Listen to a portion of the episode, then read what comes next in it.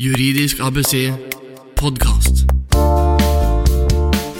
Hvor fritt står en arbeidsgiver i forhold til å forandre arbeidsoppgaver, arbeidstid, lønn og pensjonssystemer og andre viktige elementer innenfor et arbeidsforhold?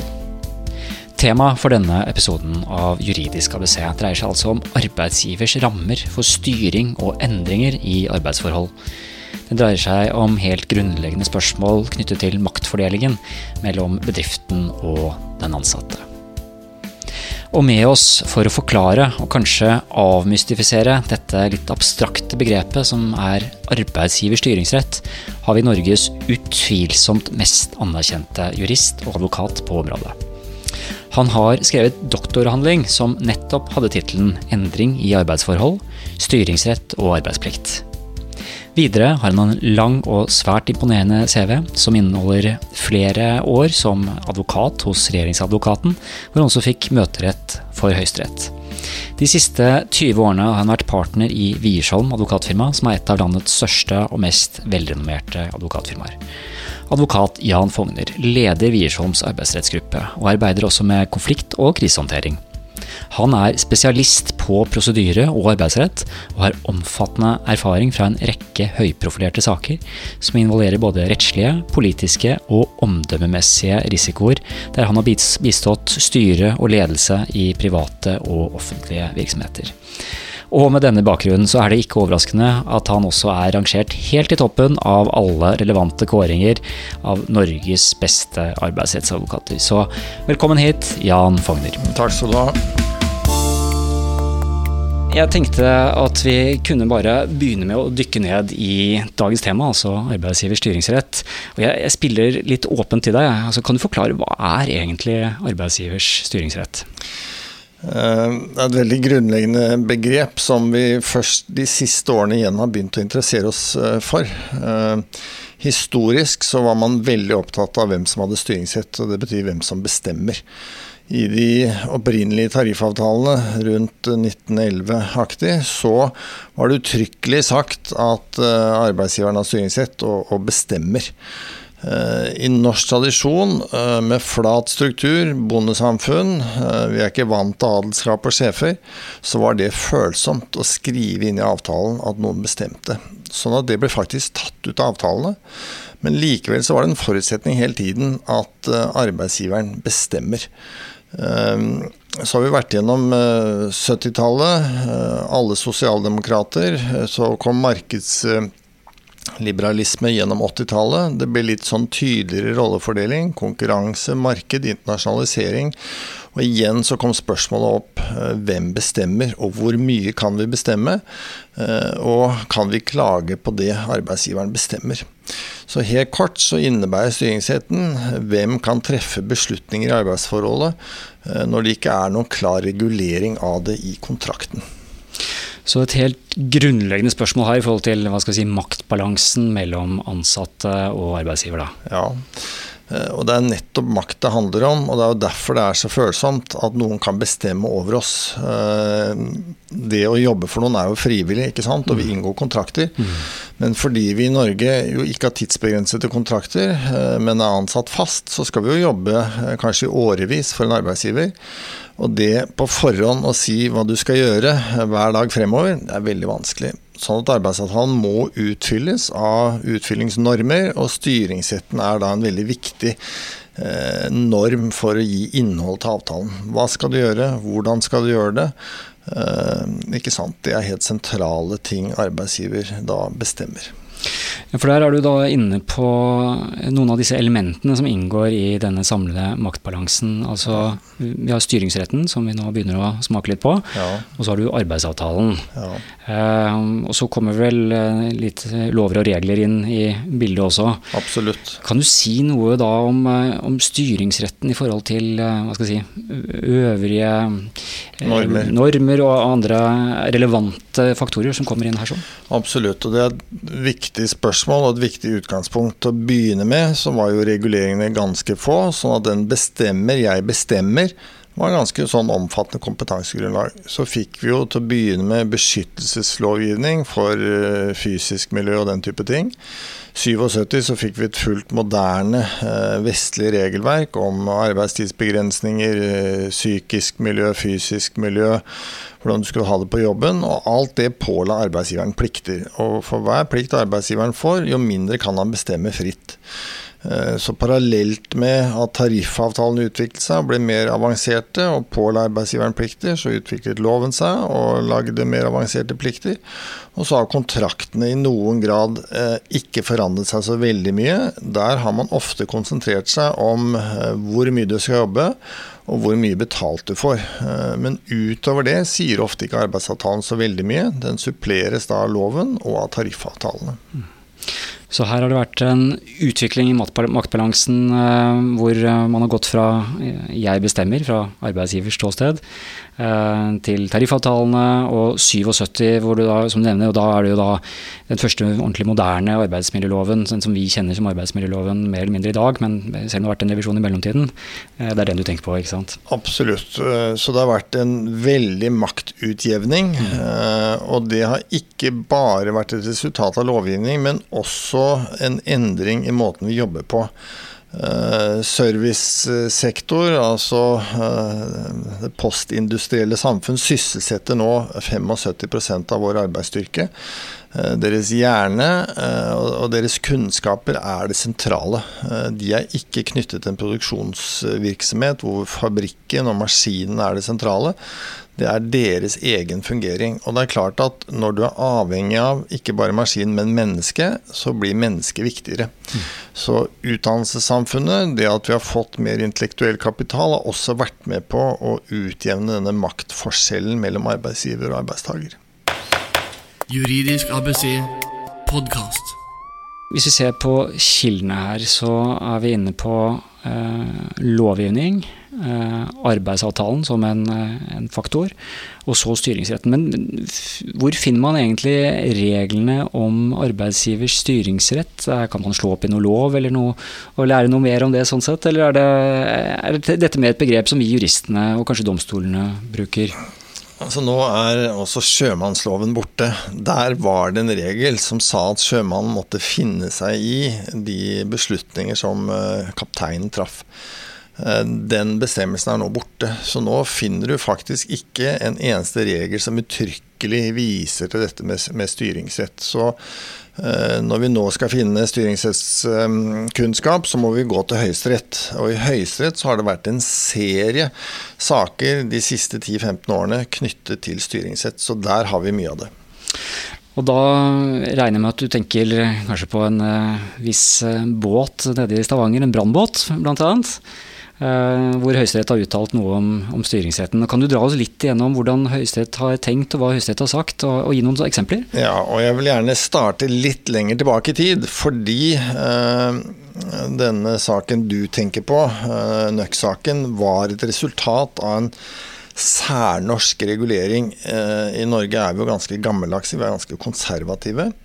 Eh, og I Norge så sa Kristen eh, Andersen, en professor i arbeidsrett, han var da også formann i arbeidsretten, at hvis en arbeidsgiver treffer vesentlige beslutninger med hensyn til arbeidsforholdet, så krever det enten samtykke fra den ansatte eller oppsigelsesgrunn.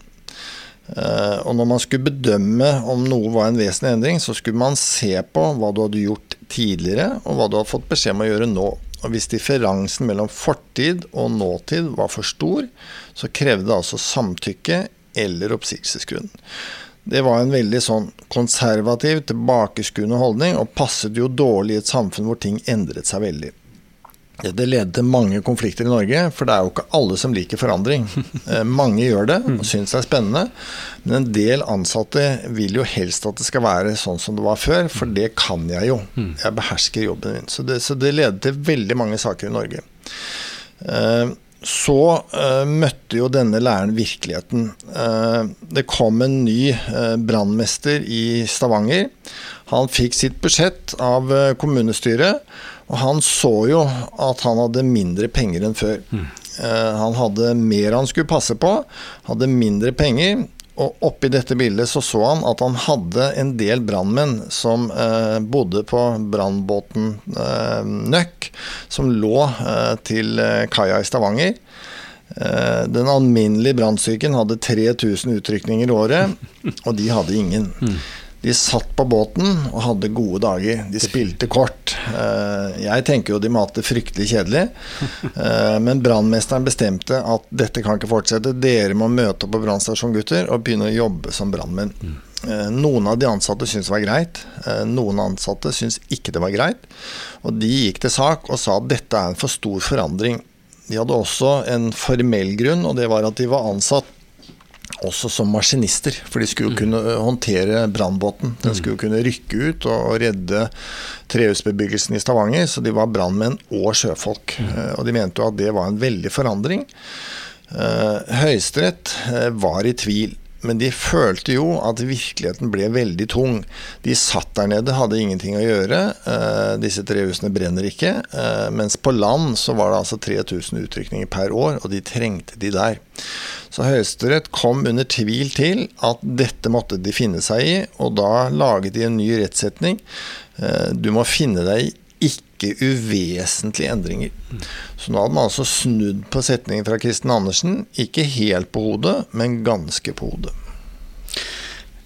Og jeg tenker vel at ut fra den dommen og det faktumet som du forklarer, altså 3000 utrykninger i året på land, og ingen for de som var eh, ansatt på båten, det er ganske stor endring. Var en svær endring. De måtte jo begynne å jobbe, eh, og de måtte jobbe på en helt annen måte. eh, Og skiftene ble jo selvfølgelig veldig mye tøffere. Eh, Og når Høyesterett sier 'ikke uvesentlig', så er jo det et sånt understatement. Det var en kjempeforandring. Så det åpnet jo veien for mange saker som har kommet seinere, og ansatte må i dag finne seg mye større endringer enn før. Så det med at tiden stiller nye krav, eh, og rammebetingelsene endres, eh, det kan gjøre at man kan som arbeidsgiver gjennomføre ikke uvesentlige endringer, etter det jeg forstår. Ja, eh, og det er blitt situasjonen. Altså Endringstakten går jo raskere og raskere. Jeg tror jo også unge mennesker er mye mer innstilt på forandring enn før. Altså ting skjer. Teknologi, endring, markeder. Sånn at det er mulig at vi vil se tilbake på dette som, som en litt rar ting. At vi eh, liksom skulle kunne ha veto mot en forandring. At, at forandring ikke er det vanlige. Eh, Men nøkdommen var da liksom det historiske vendepunktet eh, i rettslig sammenheng i forhold til denne utviklingen. Du hører Juridisk ABC podkast. Du sier eh, jo da se på Høyesterett som kilde, og vi har sett på Nøkk-saken nå. Eh, Her sitter vi midt i eh, Oslo sentrum, og rett rundt hjørnet så er det en kjent restaurant, Theatercaféen. Um, og der var det vel noen endringer som ikke som, altså I Nøkk-saken så var det jo det å måtte jobbe mer for samme lønn. På Theatercaféen så var det også en sak for et par år siden der man vel skulle jobbe, like mye og på samme måte, men hvor enkelte skulle sitte igjen med litt mindre. Eh, Det er riktig. Eh, Før Theatercafé-saken så hadde vi en variant eh, på Kårstø. Mm. Det er et stort anlegg som Statoil har. Eh, Og det tok lang tid fra de ansatte liksom klokket inn i porten til de fikk på seg eh, utstyret. Det kunne ta 20 minutter fra passering i porten til du kom inn og fikk skiftet og var klar. Statoil eh, vet vi jo skjære ned nå for å spare penger, eh, og de gjorde det også da. Og de besluttet på et tidspunkt å si at oppmøtestedet er ikke porten, men det er når du er klar i kjeledressen. Og det reduserte jo på en måte deres eh, lønn. Effektivt sett så måtte de jobbe 20 minutter mer hver dag for å få den samme lønnen som før. Høyesterett godtok det. De aksepterte at dette var en endring arbeidsgiver kunne pålegge de ansatte. Så kommer vi til eh, Theatercafé-saken. Tiden går. Jeg tror faktisk det var i 2008. Mm. På den tiden eh, så tjente eh, servitørene i Theatercaféen mer enn statsministeren i Norge. Eh, De hadde tarifflønn, den var ikke superhøy. Men de fikk eh, årlig gjennomsnittlig eh, tips 150 000-200 000 kroner i året. Og ifølge Lignings-ABC så ble de skattlagt for et sjablongbeløp på mm. kanskje 7000 kroner i året. Mm. Så det var nesten ren netto. Mm. Eh, servitørene hadde hatt det sånn i 70 år. De hadde beholdt denne tipsen. Eh, og det er klart, kokkene de var lei seg for det. Servitørene bringer jo ut kokkens mat. Og når gjesten går fornøyd fra teaterkafeen, så er det jo fordi det er et hyggelig eh, lokale. Det har vært hyggelig servering, og maten var god. Mm. Eh, så kokkene ble sure. De hadde tatt opp dette allerede i 2003. Vi vil ha vår andel. Servitøren sa nei, dette er vår eh, betaling, dette skal vi ha. Arbeidsgiver prøvde med det gode å få disse gruppene til å bli enige. Det ble det ikke. Eh, det ble dårlig arbeidsmiljø på teaterkafeen. Eh, kokkene ble sure, servitørene ble sure. Maten kom kald ut til gjesten. Gjesten ble sur, ledelsen ble sur. Så på et tidspunkt så eh, bestemmer altså ledelsen i teaterkafeen at tips skal deles 50-50. De fikk lang omstillingstid, og de ansatte hadde vært med i drøftinger om hvordan dette systemet skulle utformes praktisk. Eh, men det ble besluttet. Eh, servitørene var ikke happy for det. Eh, de gikk til sak. Oslo tingrett, Borgarting lagmannsrett og til slutt Høyesterett. Og Høyesterett kom til at denne endringen måtte servitørene godta. De la til grunn at arbeidsgiver må kunne eh, treffe denne type beslutninger. Og dette handlet jo om hvordan drive teaterkafeen på en god måte. Eh, når du som sjef opplever at dine ansatte krangler seg imellom pga. et gode, så må du som sjef kunne gripe inn og regulere det, sånn at forretningen din går godt. Mm. Hvis ikke så mister du en grunnleggende styringssett med bedriften din. Høyesterett eh, var ikke i tvil, men de sa at det sterkeste argumentet for at de ansatte skulle slippe dette, var jo at de hadde hatt ordningen i 70 år. Mm. Og dette illustrerer jo det norske, den tingsrettslige tilnærming. Har du gått over et jord i 20 år, så har du hevdet rett til det, ikke sant. Mm. Så med tiden vinner du rett. De hadde gjort det i 70 år, men eh, denne endringen måtte de altså tåle og ganske inngripende store økonomiske konsekvenser for uh, servitørene. Men så peker du på et par uh, ting her som i hvert fall jeg noterer i forhold til at uh, for det første så en, etter bedriftens syn helt sikkert, og vel også gjester og, og øvrige, en veldig god og saklig begrunnelse at dette handlet om å sikre virksomheten, egentlig. Uh, og så peker du på at de ansatte hadde vært med i prosessen. Så man hadde en, uh, et sånn type bedriftsdemokrati her, sånn, i hvert fall i forhold til medbestemmelses uttalelsesrett. Um, og så peker du på tidsaspektet, at dette var noe som ikke bare ble besluttet uh, over natten, at fra mandag av så deles tipsen, men her hadde man da en overgangsperiode. Den ble veldig lang, fordi da søksmålet ble tatt ut, så ble man enig om å vente til tingretten hadde sagt sitt. Akkurat. Og i det øyeblikk tingrettens dom falt, da et år etter, så iverksatte man endringen. Et tilleggsperspektiv var jo at gjesten trodde at han ga tips både til servitøren og til uh, kokken. Uh, vi fikk på den tiden eh, MMI, het vel den gangen, til å gjøre en undersøkelse blant 1500 restaurantgjester i Oslo, og svaret var helt klart. Vi deler tips, det var det vi trodde. Sånn at uh, vi var rett og slett i en situasjon hvor servitøren tok penger som gjesten ikke mente å gi utelukkende til servitøren. Så det var mange grunner til at dette resultatet var riktig. Dette er Juridisk ABC podkast med advokat Eivind Arntzen. Jan, nå har du dratt oss gjennom eh, tre sentrale dommer innenfor eh, styringsretten.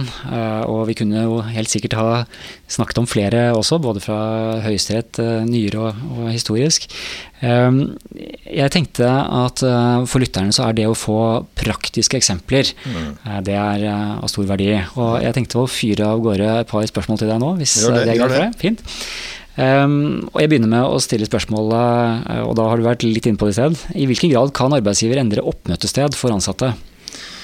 Uh, det har arbeidsgiver stor adgang til. Uh, det har faktisk vært en høyesterettsdom også om det. En undervisningsinspektør i Oslo som jobbet på én skole, var happy med det.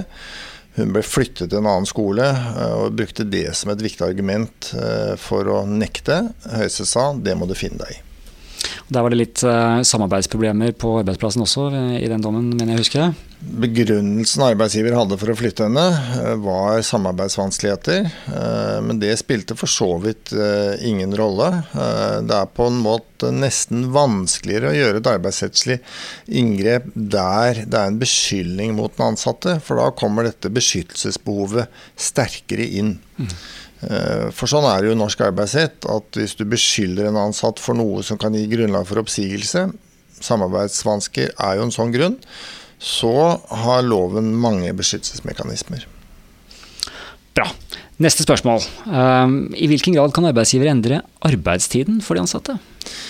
Uh, Arbeidstiden kan være regulert ganske uttrykkelig i individuelle avtaler. Og det er et eksempel i Høyesterett på at to sykepleierstudenter fikk Høyesterett med på at de hadde krav på å bare jobbe eh, kveldsskift, mm. for de studerte på dagen. Jeg, jeg, må legge til at uh, jeg syns det kanskje var oppsiktsvekkende. For dette var en turnusbedrift uh, i Bergen, uh, og hvor veldig mange faglige beslutninger ble tatt på dagtid, og at arbeidsgiver ikke skulle kunne pålegge de ansatte innimellom å være til stede på dagen for å ta del i det faglige arbeidet, det syns jeg var rart. Men Høyesterett kom nå til, etter en konkret analyse av de kontraktene og de løftene de to jentene hadde fått, at for dem var det begrenset. Eh, men det ligger i dommen at det skal sterke holdepunkter til for at den arbeidstiden som er angitt i kontrakten, er virkelig låst. Eh, det er en forutsetning om at ting kan endres. Eh, din forretning ligger i et kjøpesenter. Mm. Kjøpesenteret utvider åpningstiden til 22. Eh, da blir det nødvendig å gjøre noe med eh, arbeidstiden også. Eh, på sykehusene nå så er det jo en viktig sak for staten å utvide liksom normalarbeidstiden for legene, sånn at operasjonsstuene kan brukes mer. Så dette er en veldig viktig problemstilling. Men det er klart, dette har en pengeside. Hvis alminnelig arbeidstid forskyves til tidlig om morgenen eller sent om kvelden, så vil ofte tariffavtalen gi deg krav på mer betaling. Sånn at det er ikke bare bare for arbeidsgiver heller å flytte på arbeidstiden, for det kan ha en kostnadsmessig side. Veldig bra. Um, og da er vi inne på dette med kostnader, og så da den andre siden av det er jo lønn. Uh, og uh, lønn og lønnsmodeller, hva tenker du om det? Er det mulig å endre fra fastlønn til akkord, f.eks.? Altså, lønn er jo uh, det helt sentrale for arbeidstakeren jeg skal ha oppgaver, eh, men jeg er helt avhengig av lønnen. Det er det jeg lever av. Sånn at det å skjære ned lønnen, det krever avtale. Og det skal mye til. SAS lykkes jo i det. Eh, julen for er det nå to år siden. De fikk de ansatte med på å kutte lønnen.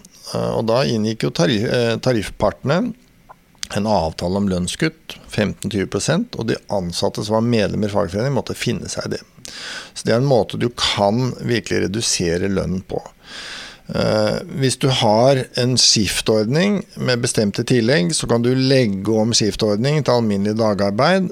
Lønnen blir indirekte påvirket av det. Mm. Uh, jeg vil også tro at du kan avslutte et akkordarbeid og gå over til noe annet om det ikke lenger er behov for den type akkordtjeneste. Men vi er nå inne i mer kompliserte ting. Pensjon er jo en form for lønn. Definitivt. Og der har Høyesterett igjen eh, kommet arbeidsgiver i møte og sagt at det er en slags presumpsjon for endringsadgang også der. Pensjon i Norge er nesten alltid finansiert av arbeidsgiveren. Og når det har vært en arbeidsgiverbestemt ordning, så har Høyesterett eh, lagt til grunn at arbeidsgiver kan fjerne ordningen helt. Derfor så krevde jo mange fagforeninger å få tariffavtalt eh, pensjon, sånn at de hadde vetorett mot endringer. Det lykkes de ikke noe særlig med. Sånn at I Norge nå, de siste fem årene, så har det vært en massiv endring eh, i pensjonssystemet vårt. Fra ytelsesordninger, hvor vi hadde krav på 66% av sluttlønn, til å få en innskuddsordning som for mange er ganske mye dårligere. Men dette er altså et eksempel på en, en pengeendring som arbeidsgiver har fått uh, medhold i. Så indirekte kan arbeidsgiver også påvirke de pengene du sitter igjen med. Ja, på, på mange måter der. Og da jeg, jeg hører litt sånn ekko ekko fra nøkdommen og prinsippene der i forhold til hvordan tidene endrer seg, og også hvordan tidene endrer seg for pensjonssystemene. At man går over fra ytelse til innskudd. Og så sier også Høyesterett at man, ikke minst når man ser kostnad ved ytelsespensjoner, som er enorme for virksomheter. SAS var du inne på, det er vel et, et eksempel på en virksomhet som virk, virkelig sliter med store pensjonsforpliktelser. Da kan altså arbeidsgiver utøve makten, styringsretten, og foreta endringer. Som et utgangspunkt, i hvert fall. Ja, Høyesterett har vært pragmatisk og akseptert tunge virksomhetsbehov. Så, så Høyesterett har på en måte vært fleksibel. Det var pensjon. I en, en litt annen type spørsmål er i forhold til det enkle på jobben. Hvordan man kler seg og ter seg, nær sagt. Altså, I hvilken grad kan arbeidsgiver normere det? Kan man si at du ikke får lov til å gå med et kjede med kors rundt halsen, eller en, en hijab, piercing, tatovering, den type ting? Nå er vi over i mer følsomme og vanskelige spørsmål. For nå snakker vi også om den private sfære. Hittil så har vi hele tiden diskutert din arbeidsytelse og rammene arbeidsgiver kan sette for hvordan du gjør jobben.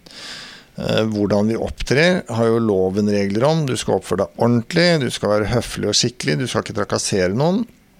Men utover det så har man eh, latt det øvrige være privat. Dette er en del av privatsfæren. Sånn at det skal uh, mye til, og vi har ikke mange tradisjoner i Norge for strenge regler for hvordan man skal oppføre seg. I USA har det jo vært mye mer villig til å regulere det vi tenker på som private spørsmål. Uh, og hatt uh, strenge regler om forhold mellom kollegaer, hvordan du skal kle deg. Alt dette det har vi hatt lite av i Norge.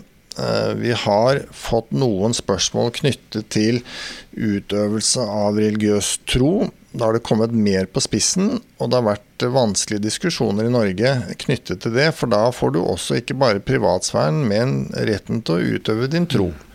Så det er ganske kompliserte spørsmål. Og det ligger jo også under politiske motsetninger, og jeg kan bruke det uttrykket, knyttet til de spørsmålene. Og vi ser jo at ulike etater ordner det eh, forskjellig. Eh, men jeg vil si som et utgangspunkt, de fleste arbeidsgivere lar være å regulere dette fordi det er følsomt. Mm. Ja, Det er klart at mange, mange, av disse dilemmaene som ledere sitter med, de, de, dreier seg om disse vanskelige og litt kompliserte vurderingene. og En, en problemstilling jeg var borti for en tid tilbake, var i forhold til dette med kan man forby uh, forhold på jobben. Uh, og Det er jo også et eksempel på at man er innenfor en sfære. og Man må vel kanskje påvise noen objektive, litt mer saklige grunnlag for å kunne gå inn og regulere privatlivet på ulike måter? Som jeg nevnte, i USA så har man hatt regler for sånt nå. Noen firmaer har hatt policy knyttet til det, fordi de ser at det kan være vanskelig f.eks. om et ektepar jobber sammen, hvis de krangler seg imellom. hvordan vil det påvirke jobben. Og kollegaer. Og, ja. og kollegaer, ikke sant? Sånn at det, det ligger jo en problemstilling der. Og, og, en del har jo policies, gir uttrykk for hva de tenker. Men det er jo ganske vanskelig å gjennomføre en sånn endring hvis de ansatte selv ikke aksepterer det frivillige. Det vil ikke være lett å gjennomføre en oppsigelse i Norge basert på at du har kjæreste med på jobben. Det vil du antagelig ikke få gjennomslag for. Så her tenker jeg det vil være litt eh, noen dilemmaer for uh, de som sitter i store internasjonale konserner og, og har ansvaret for den norske eh, divisjonen. Uh, for da vil si deg da et stort amerikansk selskap med en rekke guidelines. Og så skal de gjelde globalt, og så har du da den implementeringsproblematikken i forhold til det lokale i Norge. Dette er en problemstilling jeg har jobbet mye med. Jeg har jobbet mye med uh, oljeindustrien i, i, Norge. Og der er det jo veldig mange som har uh, utenlandske morselskaper. Og de har jo slitt med å akseptere at vi i Norge har en annen approach til ting. Men min erfaring er at særlig oljebransjen har sett at vi i Norge får det ganske godt på vår måte. Vi har tjent veldig mye penger i Norge, og de har trukket seg ett skritt tilbake og blitt mer fleksible.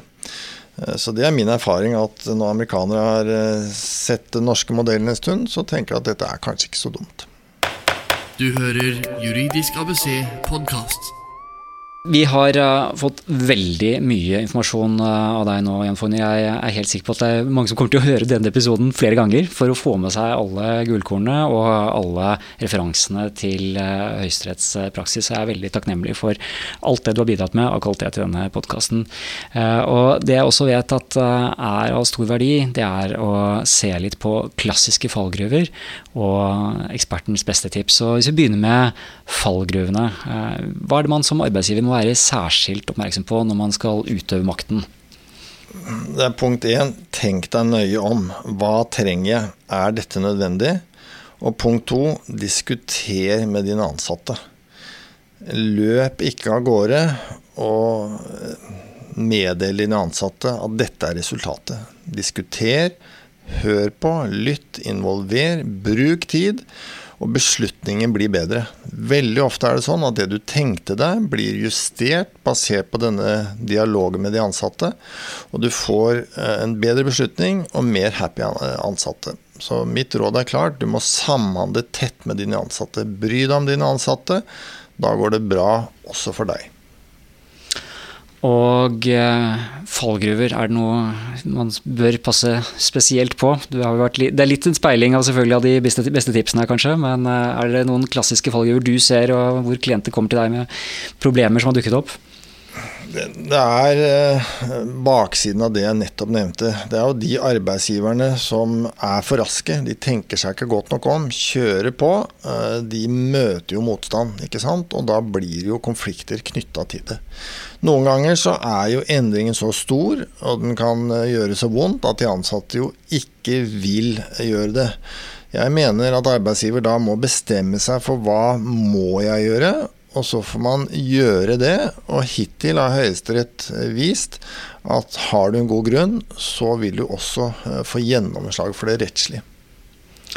Og så legger jeg til et eh, tips til slutt, og det er at eh, det å da snakke med en advokat som har omfattende kunnskap om området, det kan ofte være smart sånn sett. Og Eh, nå når vi drar oss eh, til en avslutning, så syns jeg det er naturlig da å takke for at eh, du har bidratt med all den gode informasjonen og praktiske tipsene som du har kommet med, Jan Fogner.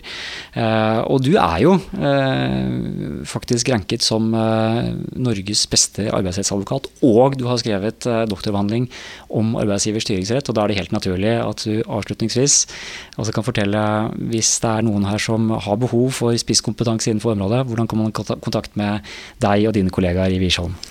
La meg bare få legge til, hvis jeg får lov til det. Jeg syns dette er kjempespennende. Jeg vokste opp i Sarpsborg, eh, Borregaard, industri. Eh, og jeg så veldig tidlig behov for forandring. Borregaard endret seg ikke i tide. Den gangen var det like stort som Hydro. I dag så ser vi alle fasiten. Hydro var kjempesvært. Borregaard ble en, en liten bedrift. Så behovet for forandring er viktig, både for bedrift og for den ansatte. Så jeg er veldig opptatt av dette, syns det er veldig moro. Underviser, eh, skriver om dette og prosederer saker. Så det er klart, er det noen som har en styringsrettsgodbit, så er jeg eh, lutter eh, øre. Og jeg fins naturligvis på weben, så Google Jan Fogner, så dukker jeg opp. Det vil du helt sikkert gjøre da. Og vi pleier alltid å legge ut eh, en uh, liten nettside med, på juridiskabc.no. Uh, lage en liten side for hver episode. Der kommer vi til å legge ut lenker til dommene som vi har snakket om. Eh, og også legge ut da din kontaktinformasjon og lenker til Wiersholm advokatfirma, sånn at eh, hvis noen skulle ha behov for å finne opplys de opplysningene, så finner de det også der. Og da sier jeg igjen tusen takk for at du kom hit, Jan Fogner. I like måte. Du hører Juridisk ABC podkast. Det var dagens podkast, og det var, eh, syns i hvert fall jeg, veldig spennende å høre Jan Fogner fortelle om styringsretten. Det er ingen andre som eh, kan eh, levendegjøre det temaet og fagstoffet på samme måte som han syns, nå i hvert fall jeg.